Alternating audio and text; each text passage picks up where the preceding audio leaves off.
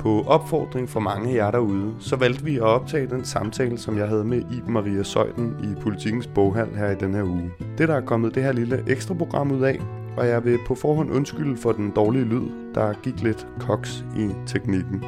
Jeg hedder Sigurd Hartgrund Pletner, og det ekstraordinære er blevet til i samarbejde med Projects by Mercedes-Benz. Velkommen til. Velkommen til. Tak. Ja, fedt mand. Hallo. Ja, lækkert, I er kommet.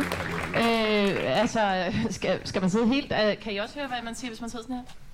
Okay, fedt. Sigurd, allerførst så tænker jeg på, vil du ikke uh, forklare, hvad det er for en podcast her? Nu fortæller Thomas, du har været ude og pitche den hos dem jo. Det kan være, altså de fleste har nok hørt det, men hvis du nu bare med dine egne ord skal sige, hvad ja. fanden er det, du har lavet? Øhm, jamen, det ekstraordinære er en... Hvis man skal sige det lidt højrøvet, så håber jeg, at det er et vindue ud til verden og ind i mennesket, ikke?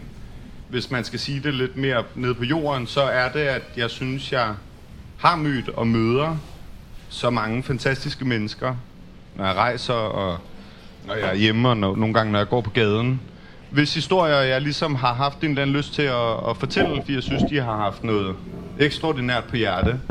Og det beslutter jeg mig så for at gøre i en podcast. Fordi jeg synes, at jeg synes på mange måder, at det er en, en gruppe historier, som, som ikke rigtig bliver fortalt.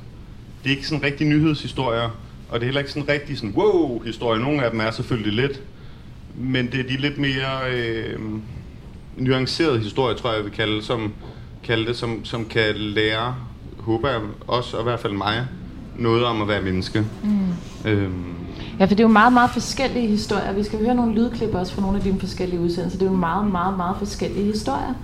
Øh, hvor det både er øh, danske personer og udlandske personer og øh, store globale perspektiver og personlige øh, tilgivelseshistorier.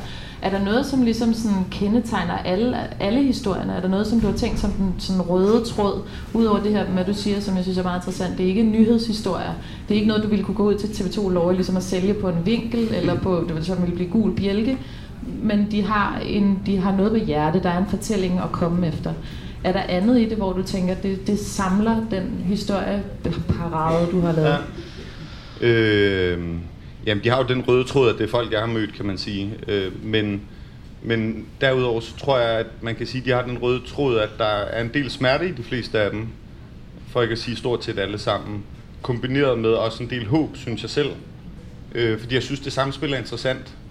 Jeg gider ikke rigtig de der happy-go-lucky historier, men jeg gider heller ikke de der helt forfærdelige historier, hvor der ligesom ikke hvor det ikke også peger nogen vegne hen. Mm. Men ellers så kan man sige så, at de er jo meget karakterbåret, ikke? Øh, det er meget karakterer, jeg, jeg taler med folk, som jeg synes er, er dedikeret mm. til et eller andet, ikke? Altså som har hengivet øh, deres liv til, øh, om det er tilgivelse, eller om det er falke, eller om det er øh, et sikkerhedsfirma i Yemen, eller hvad ved jeg. Altså den her dedikation, som jeg synes måske er betagende, fordi jeg ikke har så meget af den selv, det med, at vi lever i en, i en tid, hvor man sådan sapper rundt, ikke? og sådan, om jeg vil også lidt det, jeg vil også lidt det, og måske hvis jeg lige sådan venter lidt med at gøre noget, fordi jeg vil gerne holde alle døre åbne, og sådan, men ender med på en eller anden måde at gå meget uforpligtende gennem tilværelsen. Og det synes jeg, at, at de her mennesker er nogle, langt de fleste af dem i hvert fald, som hengiver sig til noget, og som forpligter sig til noget, og som siger, det er det her, jeg gør, jeg gør det fuldt ud, og det synes jeg er dybt betænkende. Mm. Altså. Og så siger du, at, at du i hvert fald ved at lave dem, det skal vi også vende tilbage til, hvordan det har været for dig, hvad du har lært af det, men, men at du har haft den forhåbning, at, man, at det skulle sige noget om det at være menneske. Mm. Hvad, hvad mener du? Jamen, jeg mener, at, at historien er jo ofte nogen, der indtager nogle, nogle eksistentielle yderpositioner, eller nogle mennesker, som er, har været i nogle eksistentielle yderpositioner hvor man virkelig skal forholde sig til nogle ting, nogle grundlæggende værdier, en måde at anskue verden på. Ikke? Altså Jakob, der beslutter sig for at tilgive øh, manden, der koster en søster livet. Tarim, der hengiver hele sit liv til dyr. Falke, ikke? Altså, what the fuck? Men, men det, det, jeg synes, der er noget enormt smukt i det, og Assad, det seneste afsnit, som også er en mand, der, der ligesom prøver at gøre op med sin, sine ugerninger, og sjælesøveren Jeppe, der faktisk sidder herovre i hjørnet, øh, som, som ligesom bruger sit liv på omsorg og medmenneskelighed. Ikke? Altså, det synes jeg er menneskelige ting, hvad det vil sige at være menneske. Ikke? Jeg er ikke så interesseret i karrierehistorie, for eksempel. med mindre at de knytter sig op på, hvad det vil sige at være menneske. Mm. Hvordan fik du ideen til så at konceptualisere det? Fordi, øh, at, hvordan kom titlen på, og hvornår opstod ideen om at tænke, nu bliver det til en podcast og jeg og lægger, lægger dem ud sådan her? Altså, jeg kunne godt tænke mig at have skrevet mange af dem faktisk, men det er et stort arbejde at skrive. og det, det er et andet tempo, og det er en anden fordybelse, som jeg ikke nødvendigvis syntes, at historierne havde. Så ville jeg skulle bruge et halvt år på hver historie, ikke? Det er på en eller anden måde mere forpligtende. Jeg synes, de var gode også at få ud som podcast, fordi det er let, en let måde at komme ud til mange på. Altså, det er en let måde at, at fortælle på, fordi det er en, en uforpligtende øh, lytterform, ikke? Altså, at man kan høre, mens man vasker op eller på vej på arbejde, og det er gratis, og der, der er et eller andet let over det, som jeg godt kan lide. Plus at, at, at lyden øh, jo er et helt fortællerelement mm. i sig selv, ikke? Jo, at man kan jo øhm, høre, at du er ude at rejse, man kan høre, hvor ja. du er, man kan høre, at du sidder på en eng, eller sidder ja. i en by, eller på en café, eller... Ja, og det kan jeg jo godt lide. Mm. det ja. illuderer jo også den oplevelse, man selv har, når man hører de her historier. Altså i forhold til, hvis du har sat dig ned og skrevet dem. Fordi ja. så er de jo igennem dig som forfatter, som er et filter. Nu er det selvfølgelig også hvad hedder det, journalist på det, eller i hvert fald interviewer, det kan vi også diskutere. Men, men det, er jo, det er jo sådan, man hører anekdoter, det er jo sådan, man ja. hører fortællinger, når man er ude i verden. Så hører man dem fortalt af den, ja. og så er det det. Ja. Og det synes jeg også, der er noget betagende over, ikke? Altså mennesker er jo øh, eminente historiefortællere med deres egne fortællinger ofte, eller nogen er. Og, og så giver det jo bedre mening bare at tænde mikrofonen og mm. lade dem fortælle, og måske holde dem lidt i hånden undervejs, ikke? end det gør at, at prøve at konstruere det eller genkonstruere det, fordi så ryger der jo noget autenticitet i, i det, som du også er inde på, ikke? Mm. Og titlen Det Ekstraordinære, den, den har jeg faktisk tænkt en del over. Er det rigtigt? Jeg synes, den er fed, men jeg har ikke afkodet den. Nej, øh, jeg ved ikke, om der er så meget afkodet. Altså, det var et forsøg på at lave en titel, som ligesom kunne være en bred nok paraply til, at jeg kunne putte alt derinde i. Hvor hvis jeg havde kaldt den De Ekstraordinære, så havde jeg ikke rigtig kunne lave portrætter med Sauetter for eksempel. Jeg har også lavet programmer med Malfikysten, som jeg skrottede, fordi det ikke var godt nok. Men, men ideen med det er at prøve at sige, lad os tage en, der tager udgangspunkt i, i det ekstraordinære, i stedet for de ekstraordinære. Altså mm. Altså sætter, sætter øh, bevægelsen, eller handlingen, eller tanken, eller filosofien i højsædet mere end, end selve personen, ikke? Og så er der jo et eller andet sjovt i det her med, det er til selv tænkt over, hvis man deler ordet med en tankestreg, det er ekstraordinært, ikke? Altså det er ekstraordinært. Altså ergo er det jo ikke ekstraordinært. Altså, det er ekstra normalt. Ja, det er ekstra normalt, ikke? Det synes jeg, der er et eller andet fint ved. Øh. øh, der opstår en form for slapstick stemning hernede. øh, men øh, jeg tænker bare lige på, inden vi lige skal høre et lydklip fra det, som jeg husker det som om det første program, vi skal høre et lydklip fra nu. Som øh, jeg kan huske, at jeg hørte det på cykel. Jeg synes det var ret voldsomt at høre faktisk. Bare lige nævn for mig og for dem, der er lige opsummere, hvor forskelligt du har været ude. Altså sig bare tre-fire af de programmer, du sådan har været stoltest af. Øh, så man lige kan fornemme og huske, hvor forskelligt det egentlig er. Jamen, jeg er meget stolt af programmerne på forskellige måder. Øhm, det lyder også underligt at sige, at jeg er stolt af, for så lyder det lidt som om, det er mit, og det er det jo selvfølgelig, mm, men det er, det er jo meget mere sødt. de mennesker. At det er deres historie, jo. Ja, ja. Det er dem, der skal være stolte. Ja, jeg er stolt af dem. jeg er meget stolt af det, min, min søster, som har et sikkerhedsfirma i Yemen. Øh, det var specielt at lave, fordi jeg er hendes bror, jeg kender historien, så hvordan fortæller man den på en måde, og også kommer ind på søsterskabet. Så har jeg et program om, øh, det der det seneste, jeg lavede, som bare rumler i mit hoved, fordi det var en, en voldsom oplevelse om Assad, der var øh, øverstkommanderende i falangisternes efterretningstjeneste under den libanesiske borgerkrig, hvor han fik dræbt rigtig mange mennesker. Og senere hen har fortrudt og angret og nu kæmper for fred. Så har jeg et program om Essaouira, der er en marokkansk kystby, og om Aid Abdi, der er en marokkansk berberlandsby, hvor der bor et ægtepar på 106 og 96 år. Dejlige mennesker. Øh, så har jeg et program, så er et fra Dubai, øh, om en falconer, og jeg har øh, om Jeppe, øh, sjælesøveren, og jeg har... Øh, om, når jeg har set om Arthur Robbins, som er ham, der grundlagde art therapy, altså bruge kunst som terapiform efter han som en af de eneste psykologer var udstationeret i Koreakrigen i 50'erne øh, for den amerikanske hær. Øh, så det er sådan relativt øh, vidtfavnende. Jeg har også som Puk Damsgaard har et par programmer, øh, mm. to programmer øh, om Jakob og og det er meget forskelligt også i lyden, de her programmer. Det kunne jeg godt tænke mig at komme lidt ind på ja. senere. Fordi for eksempel nu nævner du programmet om Jeppe, som er meget, meget anderledes end mange af de andre programmer, fordi lydkulissen ligesom er så enkel, og fordi at, at historien er så nær øh, hvor nogle af de andre historier også, altså, har et stort, altså dramaturgisk, et langt forløb og spænder over lang tid og sådan noget. Det er vel også en variation, du må have tænkt en del over?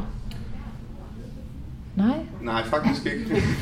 det er ligesom nogle gange, når man får en boganmeldelse, og anmelderen begynder at give en alle mulige eller motivforskning, man sådan, det lyder godt nok klog. Wow, jeg er klog. jeg kan, bare, jeg kan blandt andet huske, Jeppe, at ja. du sagde uh, for eksempel noget med, at der findes den store og den lille død, som jeg synes er så utrolig smukt. Jeg ved ikke, hvor mange har hørt det. Uh, ja.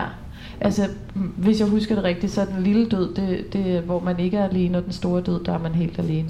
Den lille død er, hvor hjertet holder op med at slå, og den store død er ensomhed. Ja, præcis. Er det Ja, det er så godt. Kig over til mentor. ja. øhm, ja, skal jeg Men ja, nu da, altså lad os øh, høre øh, et klip. Øh, det er fra det første program, Sigurd lavede, så vidt jeg husker det. Ja, det er rigtigt. Godt så. Og øh, det er om en fyr, der skal ringe til ham, der kørte hans søster ned. Øh, og prøve at få fat i ham for første gang nogensinde. Øh, for at tilgive ham, tror jeg simpelthen. Vi sidder herude på engen, fordi øh, at jeg har efter 16 år fundet nummeret på en mand, som jeg gerne har været i kontakt med i alle de år. Og det er en mand, som førte den bil, som kørte ind i min fars bil for 16 år siden i en bilulykke, hvor min søster omkom. Nu har jeg besluttet mig for at ringe til ham.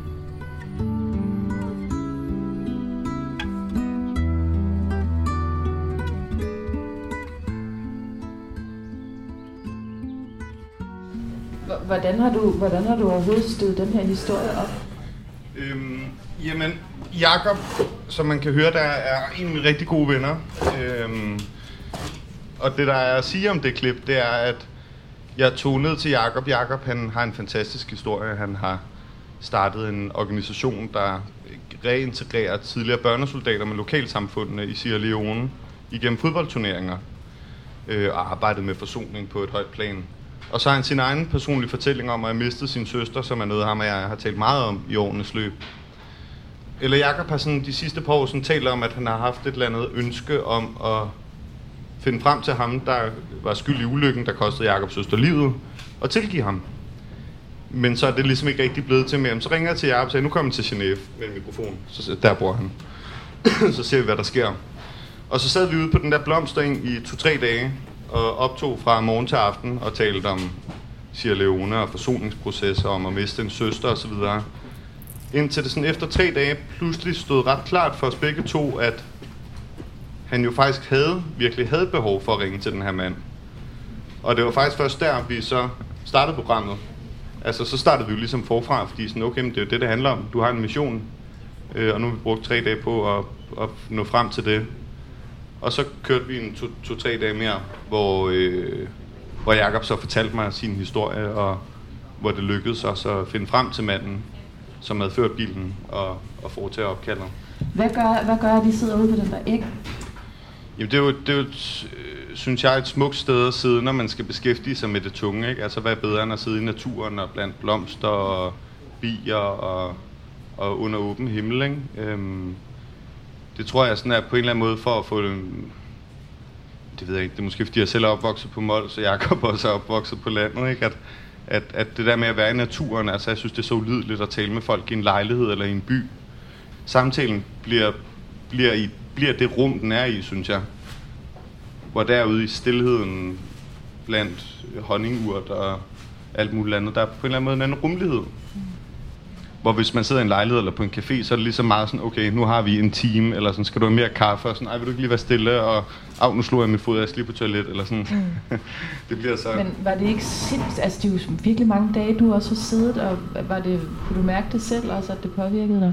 Ja, altså historien påvirkede mig meget, fordi Jakob er, øh, er en af mine nære venner, fordi at, at man bliver påvirket, når andre mennesker bliver påvirket, især hvis det er mennesker, man holder af. Øh, men den påvirkede mig da også, fordi jeg synes, det er, øh, det er jo et stort emne. Og det er da svært at tale om. Mm.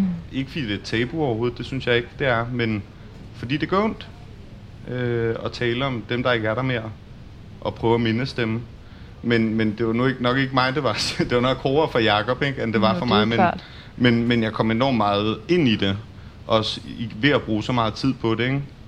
Men det er måske også mere for at sige, at, at historierne er mere konstrueret, end de virker til. Altså, ikke i den forstand, at der er noget, der er opdigtet, eller der er noget, der er iscenesat, men i den forstand, at faktisk med størstedelen af dem, så er det optaget over i hvert fald mindst med syv timers materiale, ud over en enkelt undtagelse.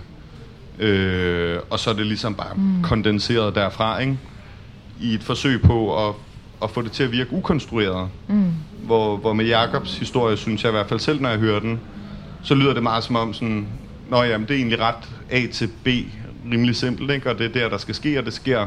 Men det var alligevel noget, der tog ja, fem hele dage, mm. plus netter. Så er der en del redigering i det. Meget Hvad, redigering. hvad havde du af skrubler i forhold til, at mange af historierne er jo historier, som du enten har fået fra anden hånd, eller selv er meget tæt på? Altså, er det ikke en mærkelig etisk ting, det der med at skulle bede nogen, som er i det her tilfælde ens ven, om at levere noget stof til det, man arbejder med? Sådan ser jeg det slet ikke. Det, den overvejelse har jeg faktisk ikke haft. Måske jeg er lidt uetisk anlagt, men, men sådan har jeg slet ikke set på det overhovedet. Jeg har nærmere øh, set det sådan, at, at nogle mennesker, jeg kender, og nogle, jeg ikke kender, har nogle fantastiske historier, nogle livshistorier og noget, noget vigtigt på hjerte. Hvor jeg så har spurgt, må jeg få lov at, at lytte med? Mm. og spørge ind, ikke? Øh, og det er ikke mit indtryk, at øh, overhovedet, nærmere tværtimod, at nogle af dem, jeg er optaget med, de har følt sig øh, udleveret eller dårligt fortalt. Slet ikke. Ligesom at, altså jeg ser jo ikke mig selv som journalist. Mm. Øh, og det bliver jeg nogle gange vurderet ud fra, og jeg er heller ikke journalist, jeg er ikke uddannet som journalist. Men det bliver jeg nogle gange holdt op imod, hvor, hvor jeg får sådan en om, det, det er dårligt journalistisk arbejde, eller du er ikke kritisk nok, hvor jeg sådan, det har ikke noget med kritik at gøre. Det er jo, det er jo øh, livsfortællinger, altså det er jo ikke... Men hvorfor er du ikke journalist? Jamen det er jeg jo ikke. Nå, men altså, det er en ikke beskyttet titel, så det kan du bare være. Ja, men jeg arbejder jo ikke journalistisk. Hvorfor? Er det fordi, du er mere forfatter, end du er journalist? Ja, måske er jeg mere forfatter, eller jeg tror egentlig mere, jeg ser mig selv som historiefortæller. Mm. Øh, hvad end det er fjernsyn, eller om det er lyd, eller om det er skrift. For mig det er jo bare forskellige udtryksformer, hvor nogle historier egner sig godt til det ene, og andre øh, historier egner sig godt til det andet. Men jeg er jo ikke... Øh, jeg har lavet en lille smule journalistisk, men det er altså ikke meget. Mm. Ja, det er slet ikke noget, jeg... Altså, hvorfor er du ikke lastbilchauffør i? Nå, men det er fordi, jeg tænker, hvad, I, I vil... I, det vil jeg faktisk gerne tale lidt om. øh, nej, jeg tænker bare mere i kraft af hvad er du, er du ikke journalist? Fordi det er jo også måske en måde faktisk at give sig selv fri fra ligesom at skulle opfylde alle mulige, og så skal du have modpart, og så skal ja. du have altså, alle mulige juridiske ting omkring dine produktioner. Ja, 100 procent. Øh, men det er slet ikke en overvejelse, jeg har haft, fordi jeg aldrig har set mig som, som journalist. Vel? Altså, jeg, ser jo, jeg ser jo mig selv som, som historiefortæller. Mm.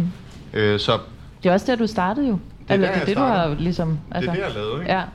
Jeg vil ikke gide lave det som journalist. Altså, jeg synes, at jeg synes, der er en del ting i journalistikken, som ikke er specielt forenlige med den måde, jeg godt kan lide at fortælle historier på. Der er det her, der skal altid være en konflikt. Og ja, der skal være en konflikt, men, men den bør ikke være motoren. Mm. Det er den her negative opbyggelighed med, at vi har så travlt med at når vi bliver spurgt, hvem er du, så siger man ikke, Nå, men jeg går ind for det her, jeg tror på det her. Man siger, Nå, men jeg er imod Dansk, Dansk Folkeparti, jeg tror ikke på det der, jeg kan ikke lide. Eller sådan. Den der negative opbyggelighed, som jeg også synes er meget indlejret i journalistikken, og det er ikke fordi, det er en kritik af journalistikken, men det, det er sgu bare ikke rigtig min måde at, at gå til ting på. Men samtidig kan man jo høre i det seneste program, for eksempel du har lavet med ham her Assad, som ligesom har, Mm. er folkemorder, ikke?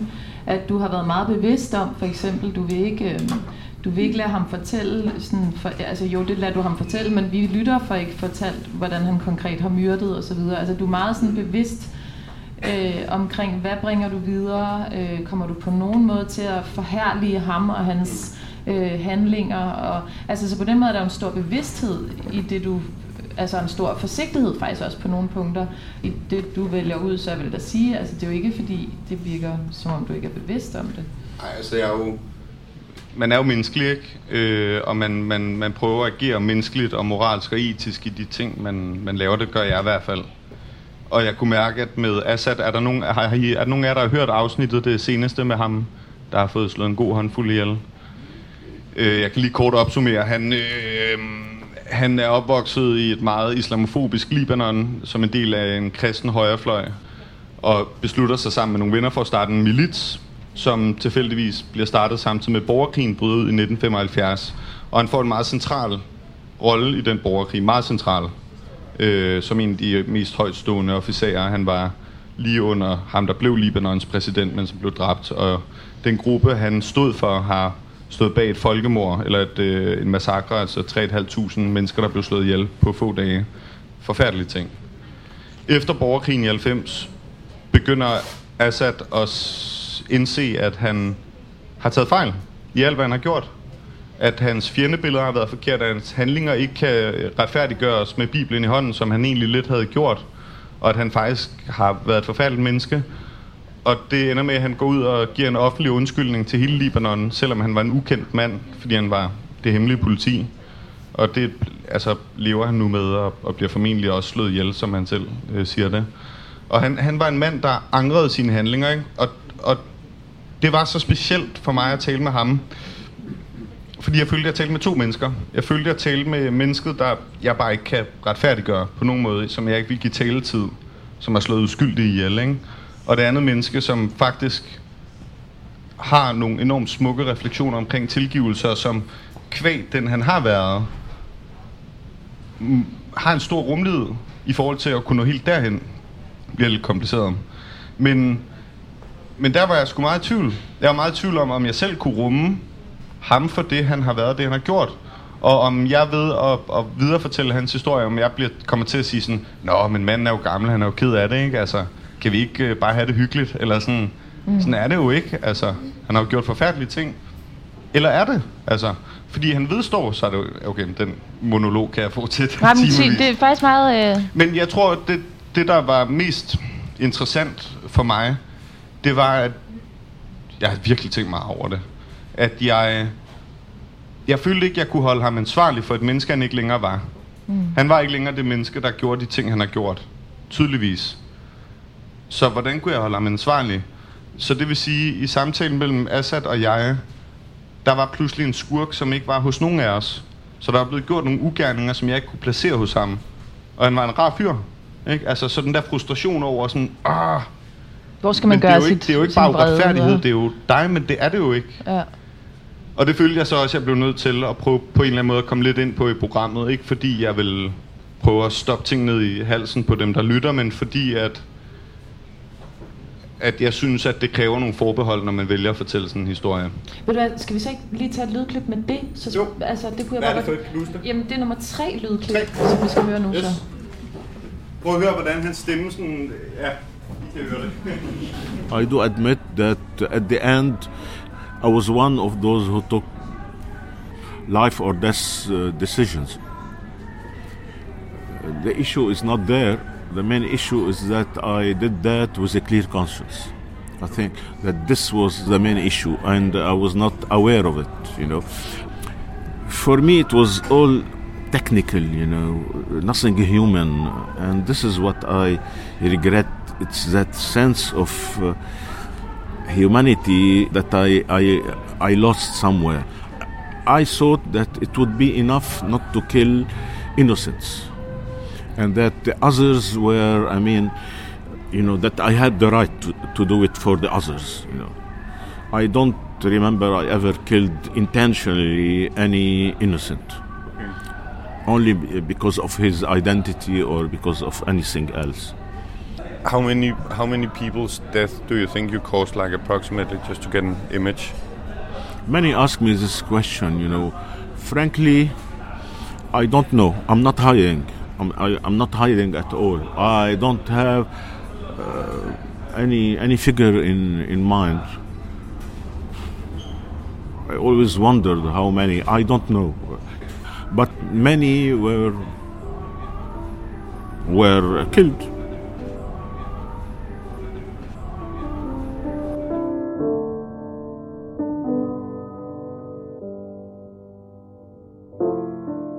Den mand, du har hørt om indtil nu, er grunden til, at jeg har været i tvivl om, hvorvidt jeg skulle lave det her program. En mand, der ser muslimer som bæster, og ikke engang har en fjern idé om, hvor mange stød han har været skyld i. I et videoklip, jeg har set med Assad, fortæller han, at han dræbte 500, gik til præsten og bad om syndsforladelse, og derefter dræbte 500 mere, før han atter returnerede til præsten i samme ærne. Min tvivl om programmet skyldes den mand, der siger mere, end han prøver at udlade, når han siger sætningen. Så vidt jeg husker, tror jeg ikke, at jeg bevidst har dræbt uskyldige udelukkende på grund af deres identitet.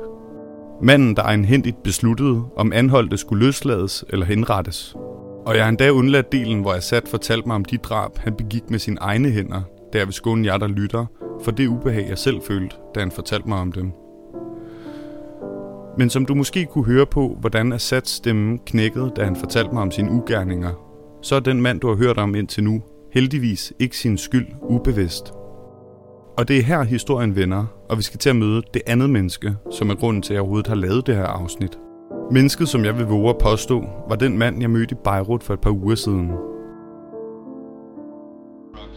Du griber selv fat, fat i den her sætning, han siger med, at han tror ikke, at han har Ja. dræbt nogen uskyldige. Altså, Så vidt han husker, øh, udelukkende, udelukkende på grund af deres præcis. identitet. Man må sige, det er så modificeret, som, over, som man overhovedet...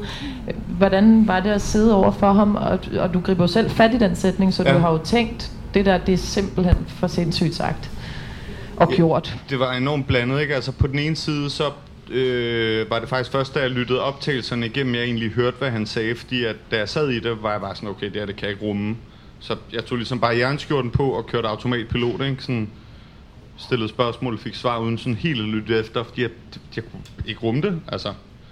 Øh, han fortalte også om, hvordan han bombede civile øh, neighborhoods, bare sådan for at få hævn, og hvordan han kidnappede, torturerede, lang historie Hvordan så han ud, når han fortalte de der ting? Hans ansigt trak sig sådan helt sammen. Altså, han var bare en mand med så meget smerte i ansigtet, det var helt vildt. Sådan dybe, dybe fuger, og sådan, sådan en mund, der næsten hang, og sådan, sådan, du ved, som om han bare sådan, øh, og som man også kan høre, så knækker hans stemme, ikke? At der, der var så meget smerte, altså. Og så, ej, det skal jeg ikke, jo, Jo. nu siger jeg det. da vi sad og talte der på Alfa La Manque, som hedder caféen i Beirut, som er et dejligt sted, så, øhm, så mellem os så lå der en øh, sådan kniv, I ved, sådan en café-kniv, sådan en rigtig øh, charterferie burger kniv sådan en med attacker, der er helt spids, ikke? Øh, til bøffer. Og jeg registrerede bare, at den lå der. Jeg registrerede, at her sad et menneske, der har slået nogle tusind ihjel. Mm. Og her ligger en kniv, og her sidder Ja, jeg. du, man kunne jo principielt. Man kunne jo Altså i principielt, forhold ikke? til, hvor meget han har gjort. Ja. Og det var ikke, fordi jeg på, noget, på nogen måde havde lyst til at, at gøre sådan, men det var bare, det kom også bag på mig, det der med, at jeg bare registrerede det. Ikke? Altså sådan, okay. Ja. Så er ens hjerne gået i et andet modus, ikke? Ja. Og som jo handler om, at man ikke fatter, hvad det dog er, hvordan det nogensinde kan... ja. Og jeg tror stadig ikke, jeg sådan helt forstår. Så sendte han, jeg spurgte ham, om han ikke ville, øh, spurgte jeg sat der, om han ikke ville sende nogle billeder, jeg kunne lægge på min hjemmeside. Og han sendte mig nogle billeder, og jeg kunne godt se, at der stod han og talte med Kofi Annan, der var generalsekretær for FN. Jeg tænkte, okay, jeg har alligevel været nede ved musikken, ikke? Og lagde jeg det op, hvor en af mine Facebook-venner gjorde mig opmærksom på, at jeg skal jo bare her stå og er sat med en, øh, en kollega, øh, som jeg vidste var hans tætteste kollega, ikke? Så var der bare en, der skrev sådan, du ved godt, ham du omtaler som kollega, er ham, der var leder af falangistbevægelsen, der udryddede den her flygtningelejr, og som også blev præsident for Libanon, og så googler han lige så sådan, okay, han er virkelig en tough cookie. Mm. Eller det var han. Ja, det er meget sjovt, du siger to gange i udsendelsen, at man kan google øh, Ja. ting. Hvor, hvorfor? Det er jo sådan en, det er jo, altså apropos journalistik og ikke journalistik, det er sådan en meget atypisk måde at være journalist på i hvert fald, Ja, som du så men også det er siger. altså. Ja, præcis. Jeg er ikke journalist. Nej. Det er fordi, at jeg ikke kunne rumme og have den modbydelighed i det program.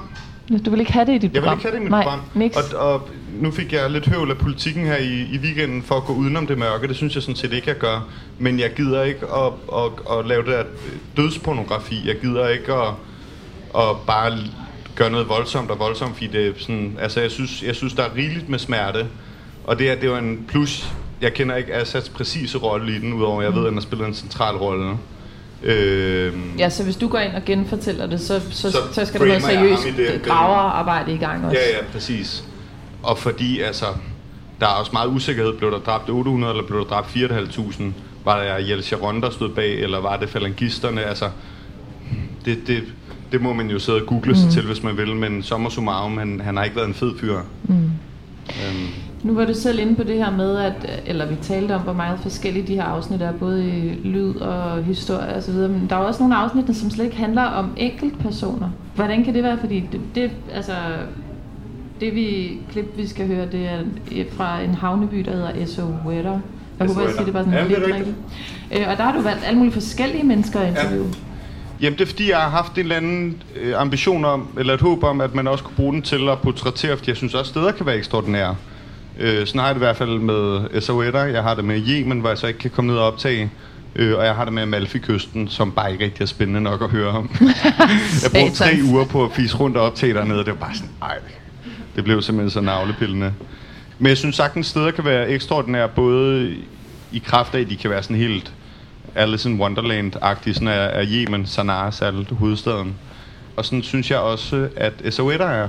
Både at det gør noget sådan helt vildt, der det gjorde ved mig, sådan at komme der. Det er bare sådan, wow, en anden virkelighed. Men også, at der er nogle interessante mennesker dernede, som er, er støbt af det samfund, ikke? Mm. Så, så det har i høj grad været et eksperiment. Sådan er det jo også lidt med Berberlandsbyen. Øh, fordi den er så anderledes, hvor de lever af naturen og stadig arbejder i en alder af 106, ikke? Hvor jeg synes, der, der giver det mere mening at prøve at portrættere stedet og, stedet og bruge menneskerne som eksemplificeringer af stedet. Så det er et portræt af en by, men hvor Ja. du ser byen som en form for person alligevel. Ja, præcis. Hvad er det med det der SOE'er, som er så forgabende?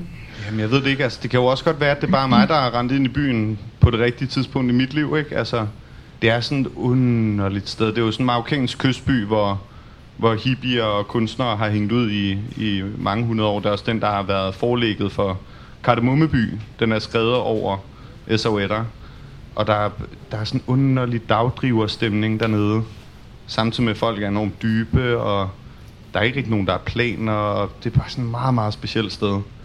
Og, og menneskene dernede er, øh, er interessante, men det er også et forfærdeligt sted at være kvinde, og det er et fattigt sted og så meget andet. Det, det er sgu bare et sted, jeg holder af at komme, øh, simpelthen.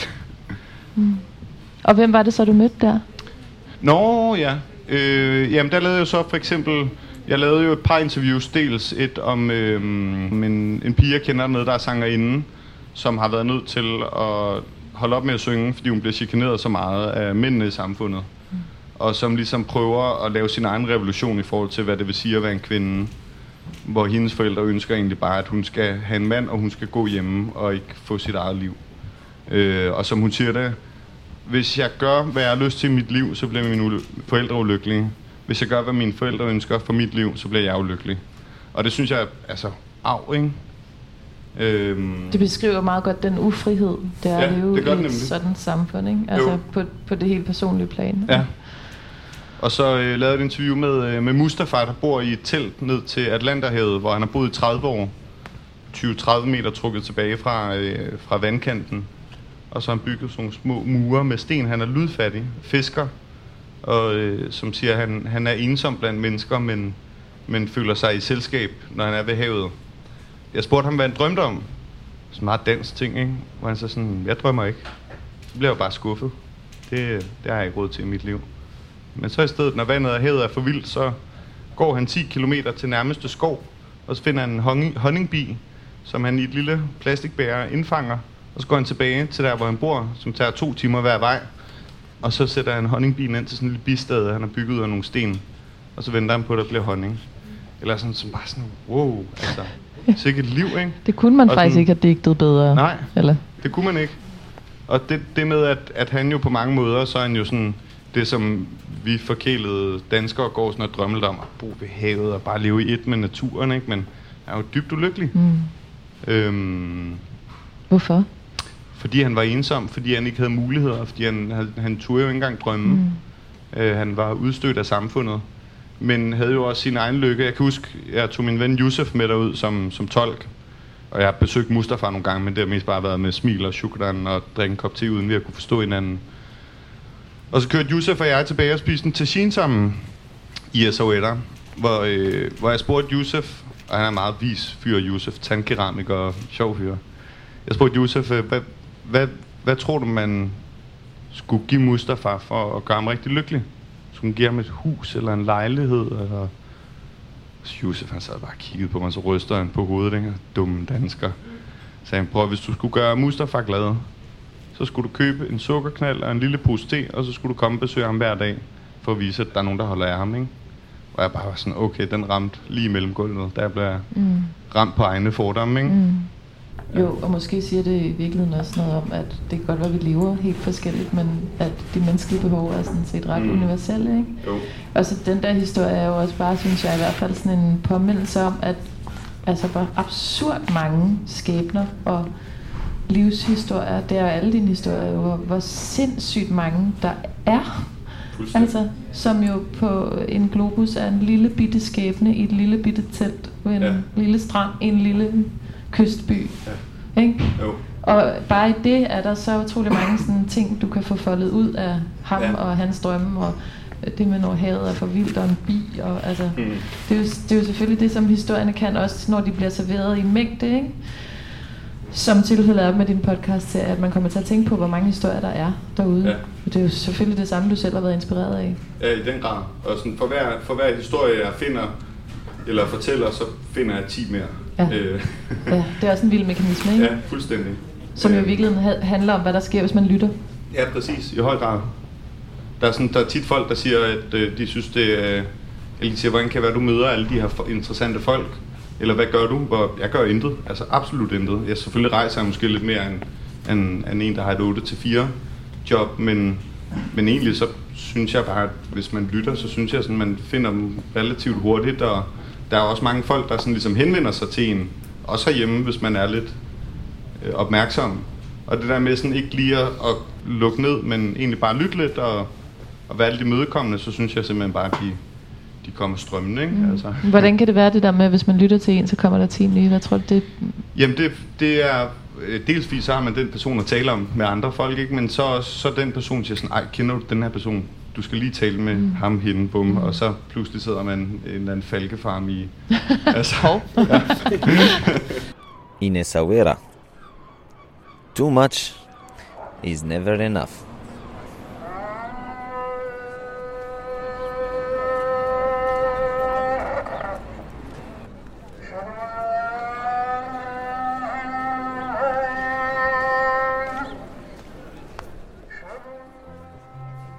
Da jeg første gang kom til den marokkanske kystby Essaouira for fem år siden, blev jeg blæst bagover af indtryk fra det sekund, jeg trådte ind gennem den gamle Medinas tykke bymure.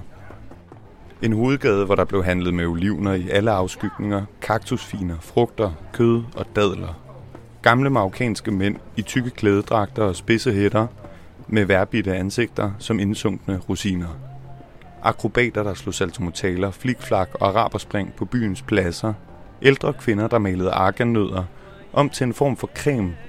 Og unge mennesker, der sad rundt omkring i gaderne og spillede gnavermusik. Moskéerne, der kaldte til bøn. Børnene, der fodrede de herreløse katte. Morerne, der hang roligt over byen. Og følelsen af den salt, som vinden bar op fra havet bag bymuren og rundt gennem de snørklede gader.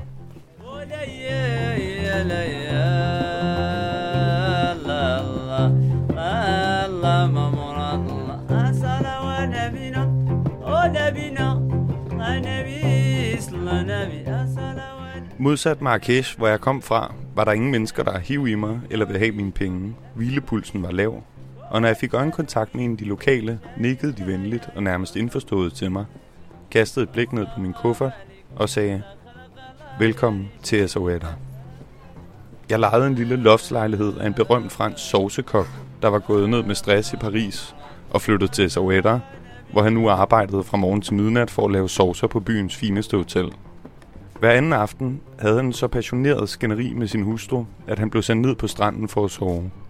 Og her tog han altid sin lille hund med, for den vækkede ham ved at slikke ham i hovedet, når tidevandet kom, og han skulle flytte sig for ikke at drukne. Jeg havde egentlig planlagt kun at være her i byen et par dage, men jeg endte med at blive i flere uger, og jeg er kommet her en til to gange om året lige siden. I det her program vil jeg forsøge at lave et lille portræt af en by, hvor alt kan lade sig gøre, hvor for meget aldrig er nok, hvor ingen har planer for i morgen, og hvor de unge lever to forskellige liv på samme tid. Jeg hedder Sigurd Hartkorn Pletner, og programmet her er lavet i samarbejde med Projects by Mercedes-Benz. Velkommen til Sawetter. انت لو حبيت يومين كان هواك خلك ملاك انت فين والحب فين معاك ليه بتتجنى كده على حب ليه ليه بتتجنى كده كده على حب ليه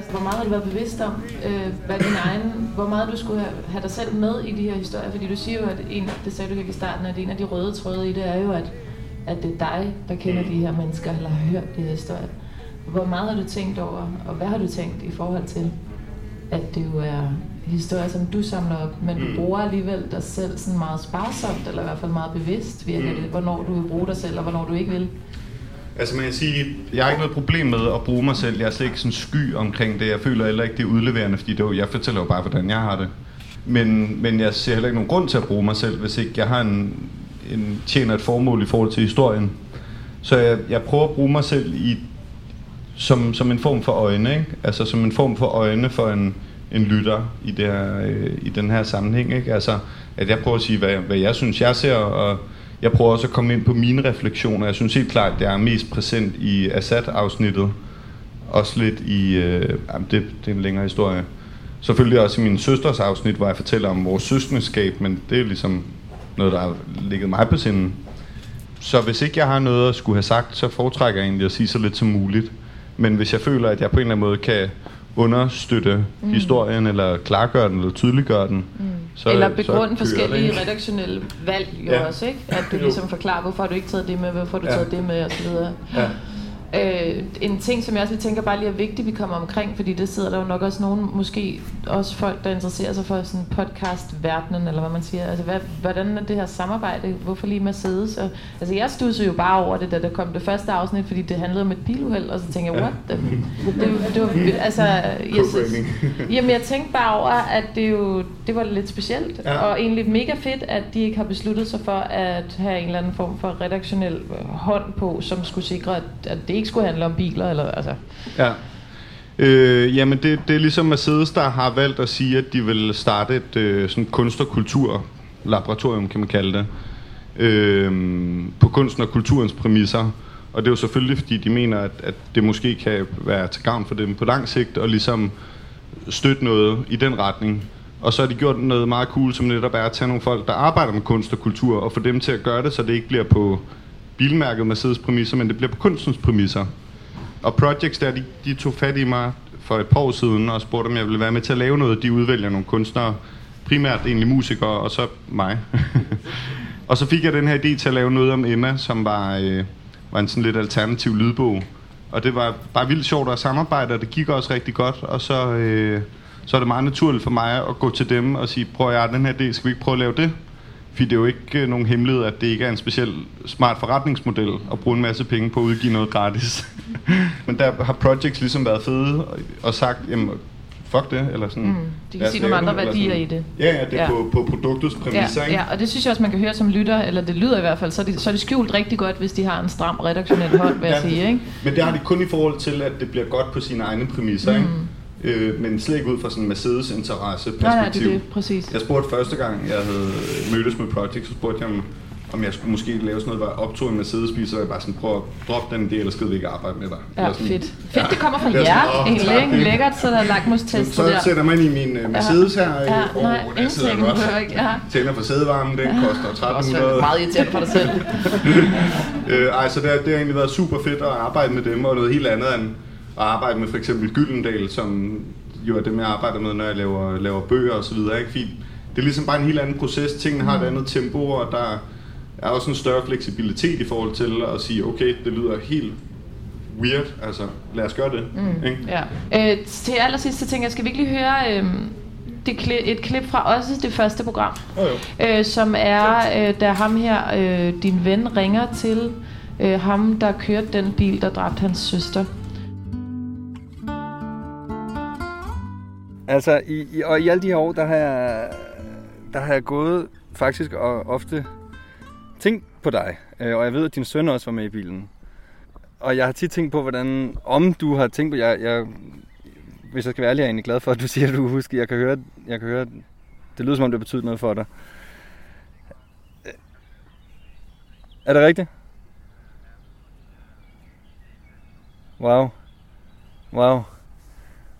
Og, og jeg ringer egentlig, altså jeg, jeg er meget glad for den måde, du modtager mit opkald på. Jeg ringer faktisk for at fortælle dig, at jeg Altså, jeg har, jeg har altid tænkt på, kan vide, hvordan du tænkte over det her, om du, om du har gået og tænkt over, om vi var, hvor min, mig og min familie, vi har været vrede, eller haft had mod dig, eller et eller andet den stil. Wow, det vidste jeg ikke.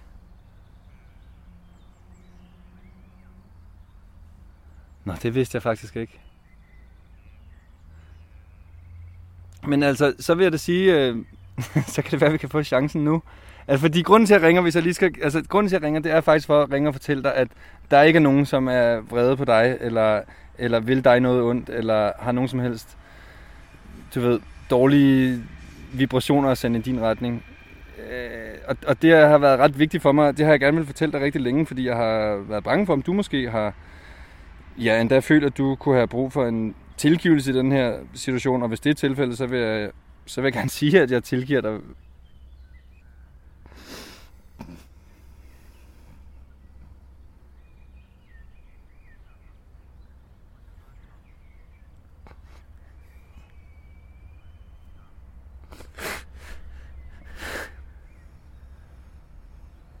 Nej, men det vidste jeg slet ikke. Men jeg vil i hvert fald under omstændigheder rigtig gerne mødes og, og bare mødes med dig. Det er jeg glad for, du siger. Altså, jeg tænker jo også på det hver gang, jeg, det er ikke så ofte, jeg er der, men hver gang jeg, især hver gang jeg tager et venstre sving, du ved, ned ad den vej, tænker jeg selvfølgelig også på det. Det var rart at snakke med dig. I lige måde. Alright. Vi ses.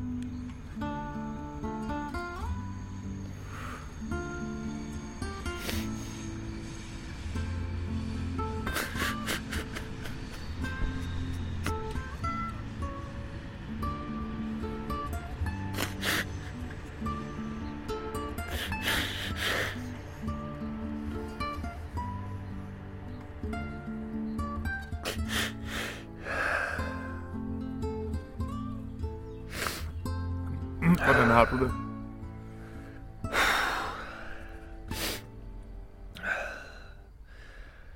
Det var ham, der gravede min søster ud af sneen og holdt hende.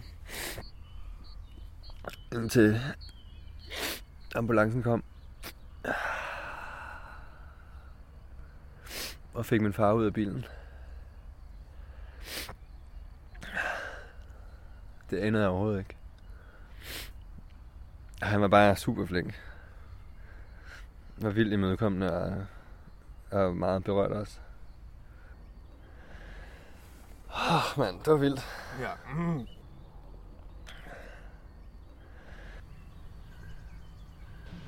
Det kan også være, hvis, måske hvis, til dem, der ikke har hørt det afsnit, altså så vidt jeg husker det, så var der ikke noget, der ligesom tydede på, at han havde været fuld, eller at der, altså... Nej, øhm, overhovedet ikke. Det var faktisk, det blev der skrevet fejlagtigt i avisen. Fandt Jacob ud af, at han, han at senere hen mødtes med ham, chaufføren der.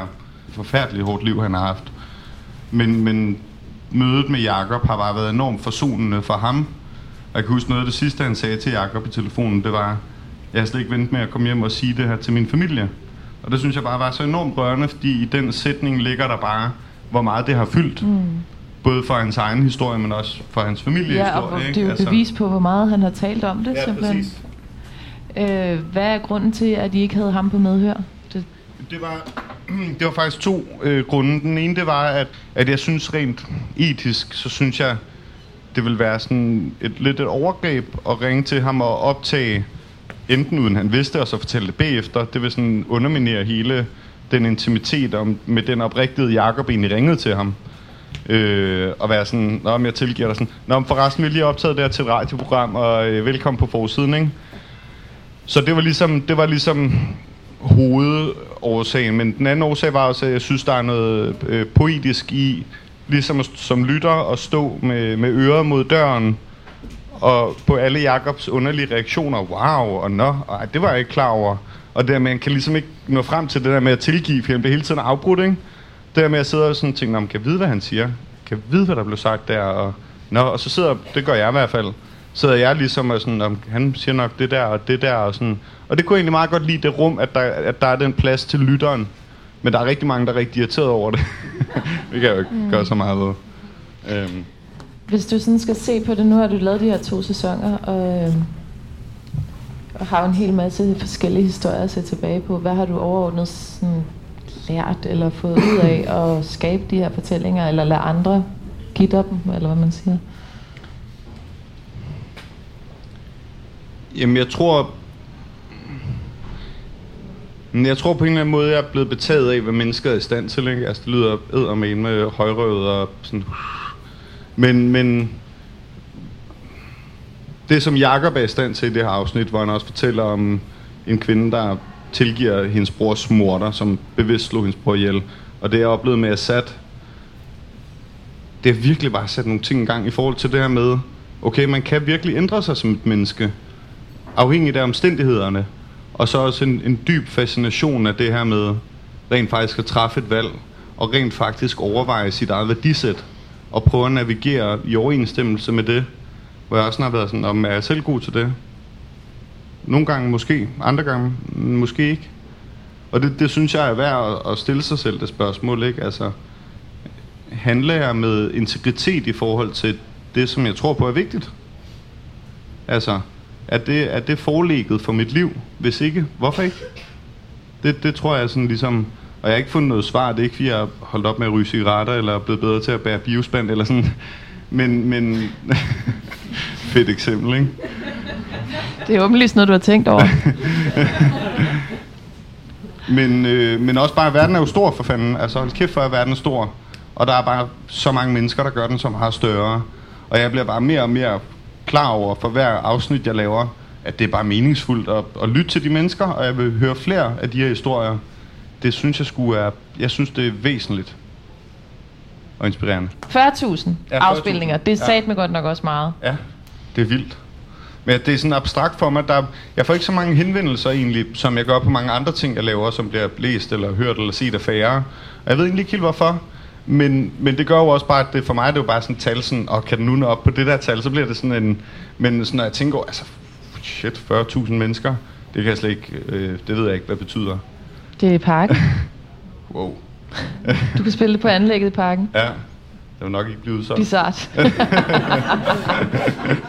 øhm, men ja, det, det, er jo, det er bare vildt taknemmelig for, at folk gider at høre, høre de her historier, fordi mm. jeg føler ikke, at det, at det er mig, der, at det er en anerkendelse af mig. Jeg føler jo, det er en anerkendelse af de folk, jeg, jeg lader fortælle. Ikke? Øh, men jeg synes, jo, jeg synes jo, det er væsentligt. Og det, det er jo meget tid og energi, jeg bruger på det. Så derfor er det vildt, bliver jeg da vildt glad, når folk hører det, og endnu mere, når folk skriver og siger, at det der, det var meningsfuldt for mig, eller det der synes jeg var latterligt, det får jeg jo også nogle gange at vide. Mm. Hvor er det sådan, "Nå, Ja. okay, men så tænker jeg lidt over det, ikke? Og så er der det dejlige ved de her historier, altså især podcast-historier, som du siger med noget om Emma, som er det, som Sigurd lavede forrige gang, som jeg lærte dig at kende på baggrund af i øvrigt. Altså det er jo nogle historier, som har enormt godt af at ligge. De ligger der jo, de findes derude. De her historier, de bliver ikke gamle eller øh, aktuelle eller uaktuelle, hedder det. Så, altså, det er jo ligesom det, der også er DNA'et i dem. De er universelle, og de er eviggyldige. Det er sikkert også derfor, du ikke får så mange altså reaktioner, netop fordi, som du siger, der er ikke nogen konflikt i det, der er ikke for og imod, der er ikke breaking, der er ikke, altså det er ligesom sådan nogle historier, der måske ligger alle steder, altid. Hvordan kan man være uenig i dem, eller vrede på dem, eller... Ja, måske.